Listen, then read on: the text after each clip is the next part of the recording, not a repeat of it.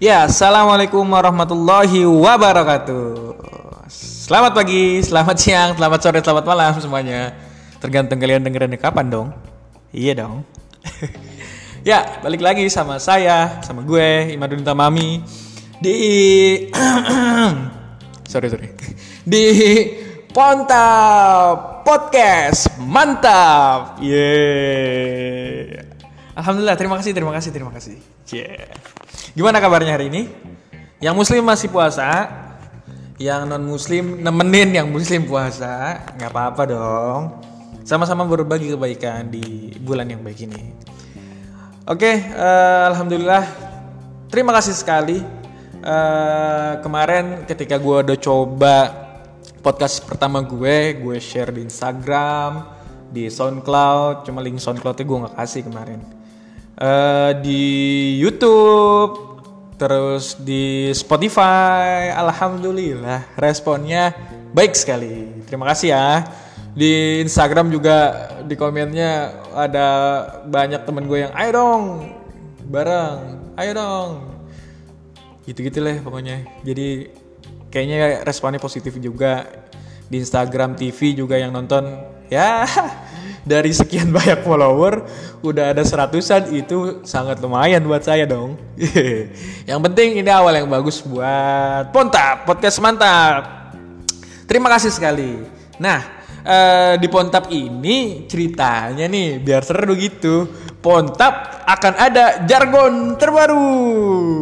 Jargonnya adalah Pontap podcast mantap. Eh gimana ya? Salah salah apa bang? Uh, oh iya gini. Pontap kan uh, kepanjang singkatan dari podcast mantap. Jadi gue punya jargon. Podcast mantap mania. Iya. seperti itu, seperti benar dengar kan?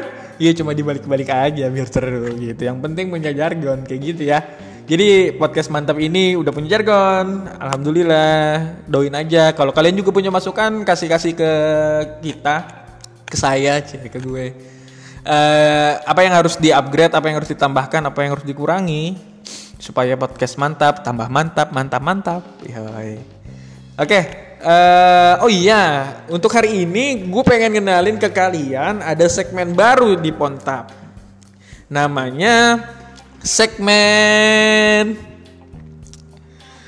mantap pintarnya. mantap kan ini podcast mantap, mantap pintarnya. Cia. Jadi segmen mantap pintarnya hari ini adalah ngebahas tentang info-info atau pembelajaran-pembelajaran atau sesuatu yang bisa dibagi yang berguna, yang sifatnya akademis, tips dan uh, mudah-mudahan bermanfaat buat kalian ya. Jadi uh, kalian-kalian nih sobat mantap ya.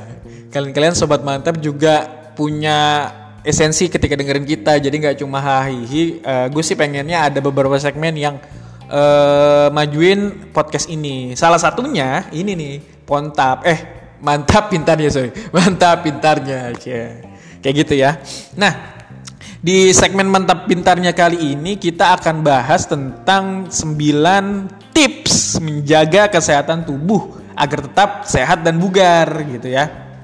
9 tips menjaga kesehatan tubuh agar tetap sehat dan bugar ini nanti akan disampaikan langsung oleh narasumber yang nggak terkenal terkenal amat sebenarnya.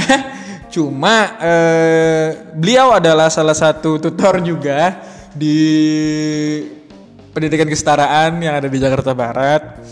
Ya kita dengerin aja nanti bagaimana tips-tipsnya. Jadi buat kalian buat kamu buat kamu-kamu yang pengen menjaga kesehatan tubuh agar tetap sehat dan bugar dengerin terus Pontap di segmen Mantap pintarnya.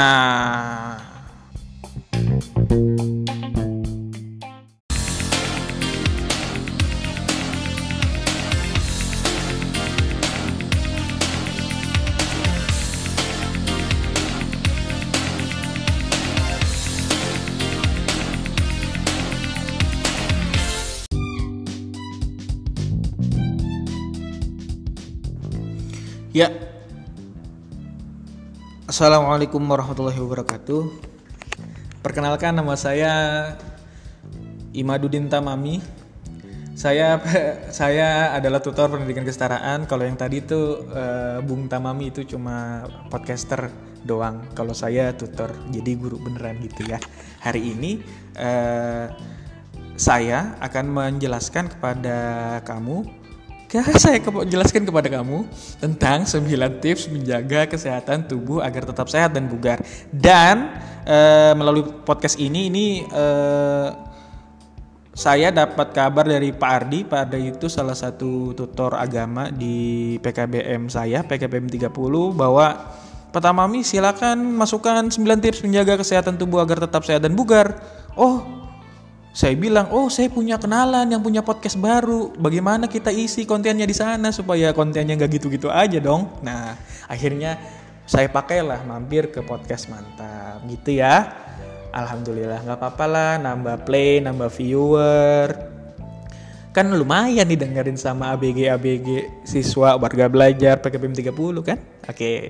Oke, terima kasih. Assalamualaikum warahmatullahi wabarakatuh. Kita mulai 9 tips menjaga kesehatan tubuh agar tetap sehat dan bugar. Ini dia. Yang pertama adalah berpikiran positif atau positif thinking. Karena uh, di dalam tubuh yang sehat terdapat jiwa yang kuat. Makanya uh, ketika kamu memiliki pikiran yang positif, maka tubuh pun ikut sehat Maksud dari kalimat ini, jika di dalam jiwa seorang sehat atau positive thinking itu, maka tubuh pun juga akan sehat. Kondisi gangguan pada mental seperti stres dan depresi telah terbukti mengganggu kesehatan tubuh seseorang.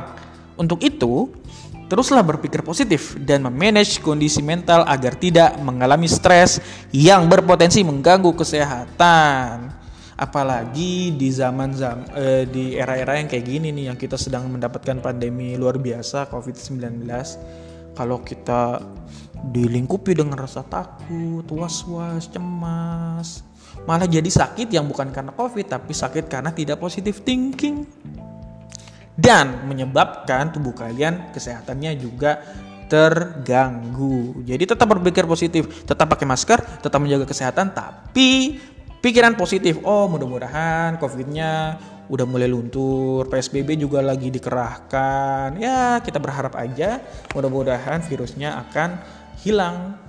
Gitu. Jadi yang pertama harus positive thinking ya. Kemudian yang kedua kendalikan stres. Jadi untuk mengan untuk menambah uh, imun atau me untuk tidak mengganggu kesehatan kamu harus mengandalkan stres. Kelola emosi dengan baik, jangan mudah marah-marah karena ini adalah yang penting. Karena akan membuat habis energi tubuh dan juga tidak baik untuk hati nanti ya. Jadi orang jadilah orang salah sorry jadilah orang yang mudah tersenyum dan ramah karena ini banyak untuk karena ini baik untuk diri sendiri maupun orang lain terlalu berlibat karena sambil baca mohon dimaafkan gitu ya Kemudian eh, perasaan seseorang seperti sedih, marah, cemas, kecewa dan lain akan direspon oleh organ tubuh lainnya. Stres yang dialami oleh seseorang bisa menjadi pemicu terbentuknya radikal bebas di dalam tubuh. Wah, radikal bebas berat juga ya.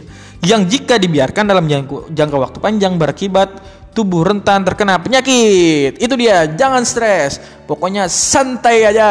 Santai, santai, santai. Oke, tapi tetap menjaga kesehatan. Karena kita harus menjaga budaya hidup sehat. Oke. Kemudian, yang ketiga, kenali bahasa tubuh. Kelelahan setelah melakukan aktivitas kamu atau berolahraga merupakan bahasa tubuh kita yang menyampaikan pesan nih bahwa tubuh itu perlu istirahat. Tanggapi pesan tersebut. Kalau butuh istirahat ya istirahat. Apalagi sekarang kamu rebahan aja bisa menjadi pahlawan bangsa melawan COVID-19 dengan tidak ngapa-ngapain. Ya. Enak kan? Jadi kalau butuh tubuh kamu butuh istirahat ya istirahat. Mata kamu butuh istirahat karena main game, buka gadget semalaman, diistirahatkan.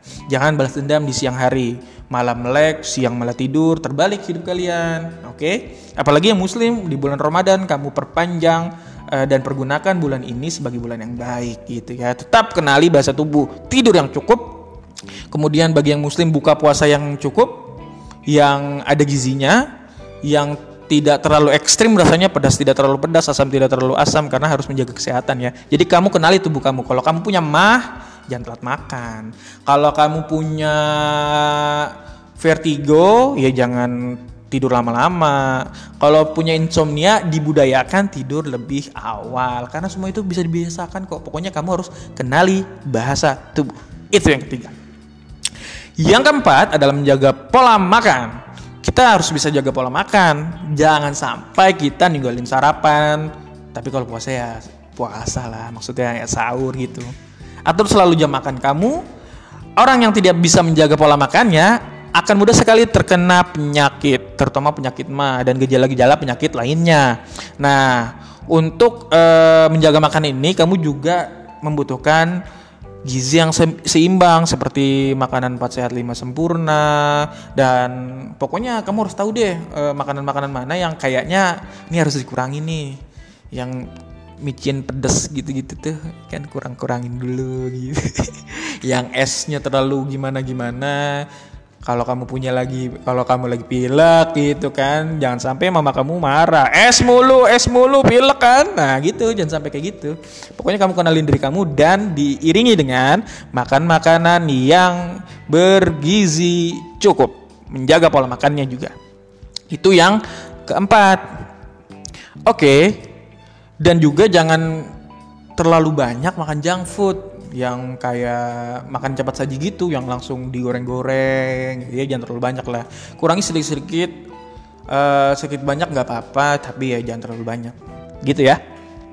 Kelima cukupi kebutuhan cairan. Sebagian besar dari kamu tidak sadar bahwa sebenarnya kamu sering sekali kurang untuk meminum air putih setiap hari. Itu kuncinya bro. Coba tanya orang tua aduh kenapa ya pinggang sering pegel? Kurang minum ya kan? Kenapa yang ngantuk kurang minum? Kalau puasa kenapa yang ngantuk? Berarti jangan minum kalau lagi puasa jangan. Tetap penuhi kebutuhan cairan di diri kamu minum. Ponari sweat.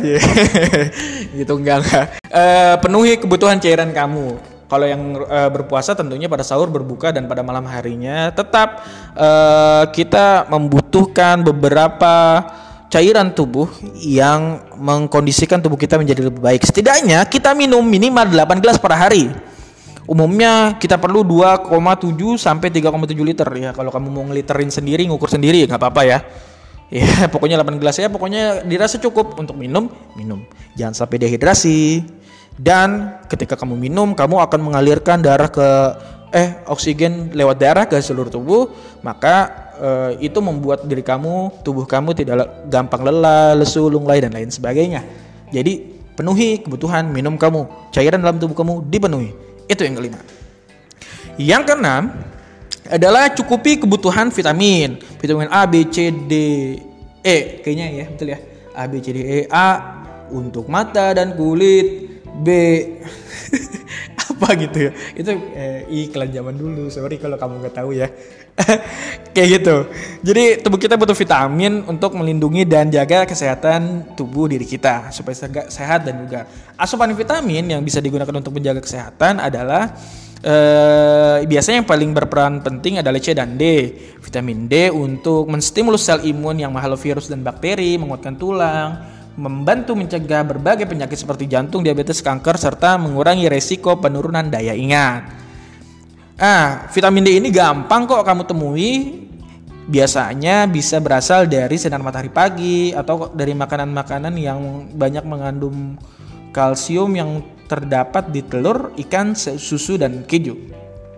Jika tubuh kekurangan vitamin D, maka tubuh akan terkena kuman dan virus dengan mudah Vitamin D pada dasarnya bisa digunakan sebagai penstimulus antibodi agar zat antibodi itu mampu menghasilkan sistem imun yang bisa digunakan untuk melawan kuman dan bakteri yang ada di dalam tubuh. Capek juga ngomongin buru-buru kayak gitu ya. Oke, kayak gitu. Vitamin D dan vitamin C itu perlu, apalagi sedang corona-corona gini. Itu yang keenam. Jangan lupa cukupi kebutuhan vitamin kamu. Yang ketujuh adalah jagalah kebersihan diri dan lingkungan serta higienitas makanan dan minuman kamu. Kalau ada makanan jatuh bukan nyanyi ya. Kalau ada makanan jatuh nggak pakai belum lima menit dong kotor ya kotor. Ya harus dibuang ya buang jangan sayang sayang. Makanan aja sayang makanan jatuh. Gimana sama orang tua? Ya gombal-gombal berfaedah itu. Gombal berpahala ya ke orang tua. Gitu ya. Menjaga menjaga kebersihan diri dan lingkungan merupakan hal yang mutlak harus dilakukan jika ingin tetap sehat dan bugar. Ada begitu banyak bakteri, kuman, dan virus di sekitar kita yang berpotensi menjadi sumber penyakit. Biasakan diri untuk hidup bersih guna menghindari kontaminasi bakteri dan kuman berbahaya. Hayo, siapa yang kamarnya belum dibersihkan, tempat tidurnya, bajunya nggak ganti-ganti karena nggak keluar dan nggak mandi-mandi ayo dijaga kebersihannya dimulai dari kebersihan diri sendiri dari hal yang kecil dari sekitar kamu lingkungan rumah, kamar, kayak gitu. Dan higienitas makanan dan minuman jangan sampai ketika kamu makan sakit perut terus kamu nyalain makanan. Padahal yang salah kan kamu. Jadi pilih makanan yang higienis, kemudian jaga kebersihan diri dan lingkungan. Itu yang ketujuh. Yang kedelapan adalah olahraga yang teratur. Kamu tahu kan olahraga itu bisa membakar kalori tubuh, itu bagus buat uh, regenerasi sel di tubuh kamu dan lain sebagainya. Pokoknya makan makanan eh makan makanan olahraga yang teratur. Ini ada info yang bagus berdasarkan penjelasan pada ahli bahwa berjalan kaki mampu membakar 180 kalori per menitnya. Oke, semisal kita ingin pergi ke warung yang jaraknya deket gitu ya. Misalnya kita yang kaki, nggak usah naik motor juga kalau ke warung. Males amat. Pak puasa jalan kaki, biar olahraga lumayan. Selain sehat juga ngirit bensin kan. Selain itu hindari duduk terlalu lama karena dapat membuat badan menjadi cepat lelah gitu pokoknya lakukan olahraga olahraga yang kecil bisa bangun tidur jangan langsung HP habis itu ya jog, uh, stretching stretching sedikit perenggangan ya kan kayak gitu gitu pokoknya supaya badan kamu fresh. Uh, lakukan olahraga olahraga kecil dan rutin untuk menjaga kebugaran diri kamu.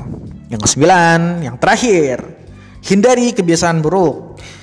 Seperti ya banyak ya. Ya dari tadi kalau yang misalnya kita bahas yang buruk-buruk itu kebiasaan buruk. Mungkin ditambah minum alkohol merokok kemudian yang lain-lain.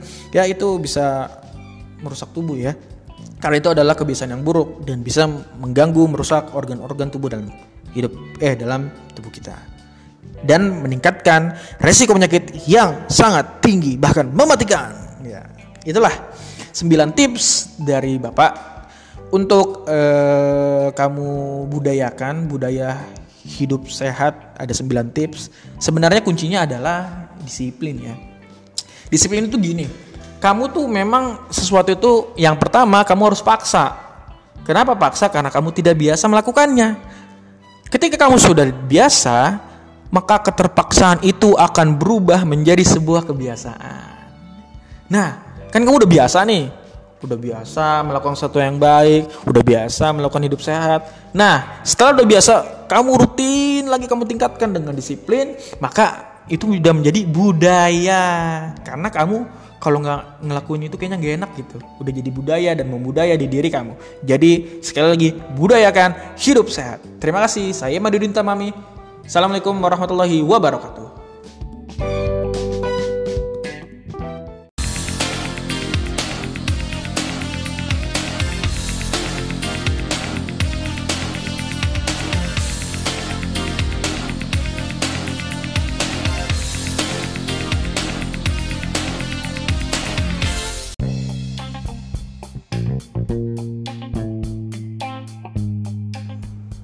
Oke, balik lagi sama gue.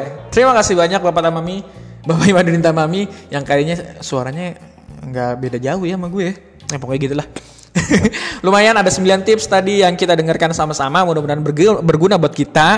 Uh, supaya kita makin sehat dan membudaya di lingkungan kita maka kita harus budayakan hidup sehat gitu. Oke, okay, terima kasih banyak uh, udah dengerin podcast gue. Uh, doain supaya akan banyak lagi konten-konten yang menarik. Uh, pengennya sih ada konten musik, ada ko ada konten religi, yeah. ada konten point of view, sudut pandang, uh, diskusi, apa aja. Dan kamu kalau punya masukan langsung share ke podcast mantap gitu ya. Nah itu tadi adalah mantap pintarnya sudah didengarkan. Baik terima kasih banyak uh, telah bergabung di podcast gue. Gue Tamami pamit. Assalamualaikum warahmatullahi wabarakatuh. Bye bye.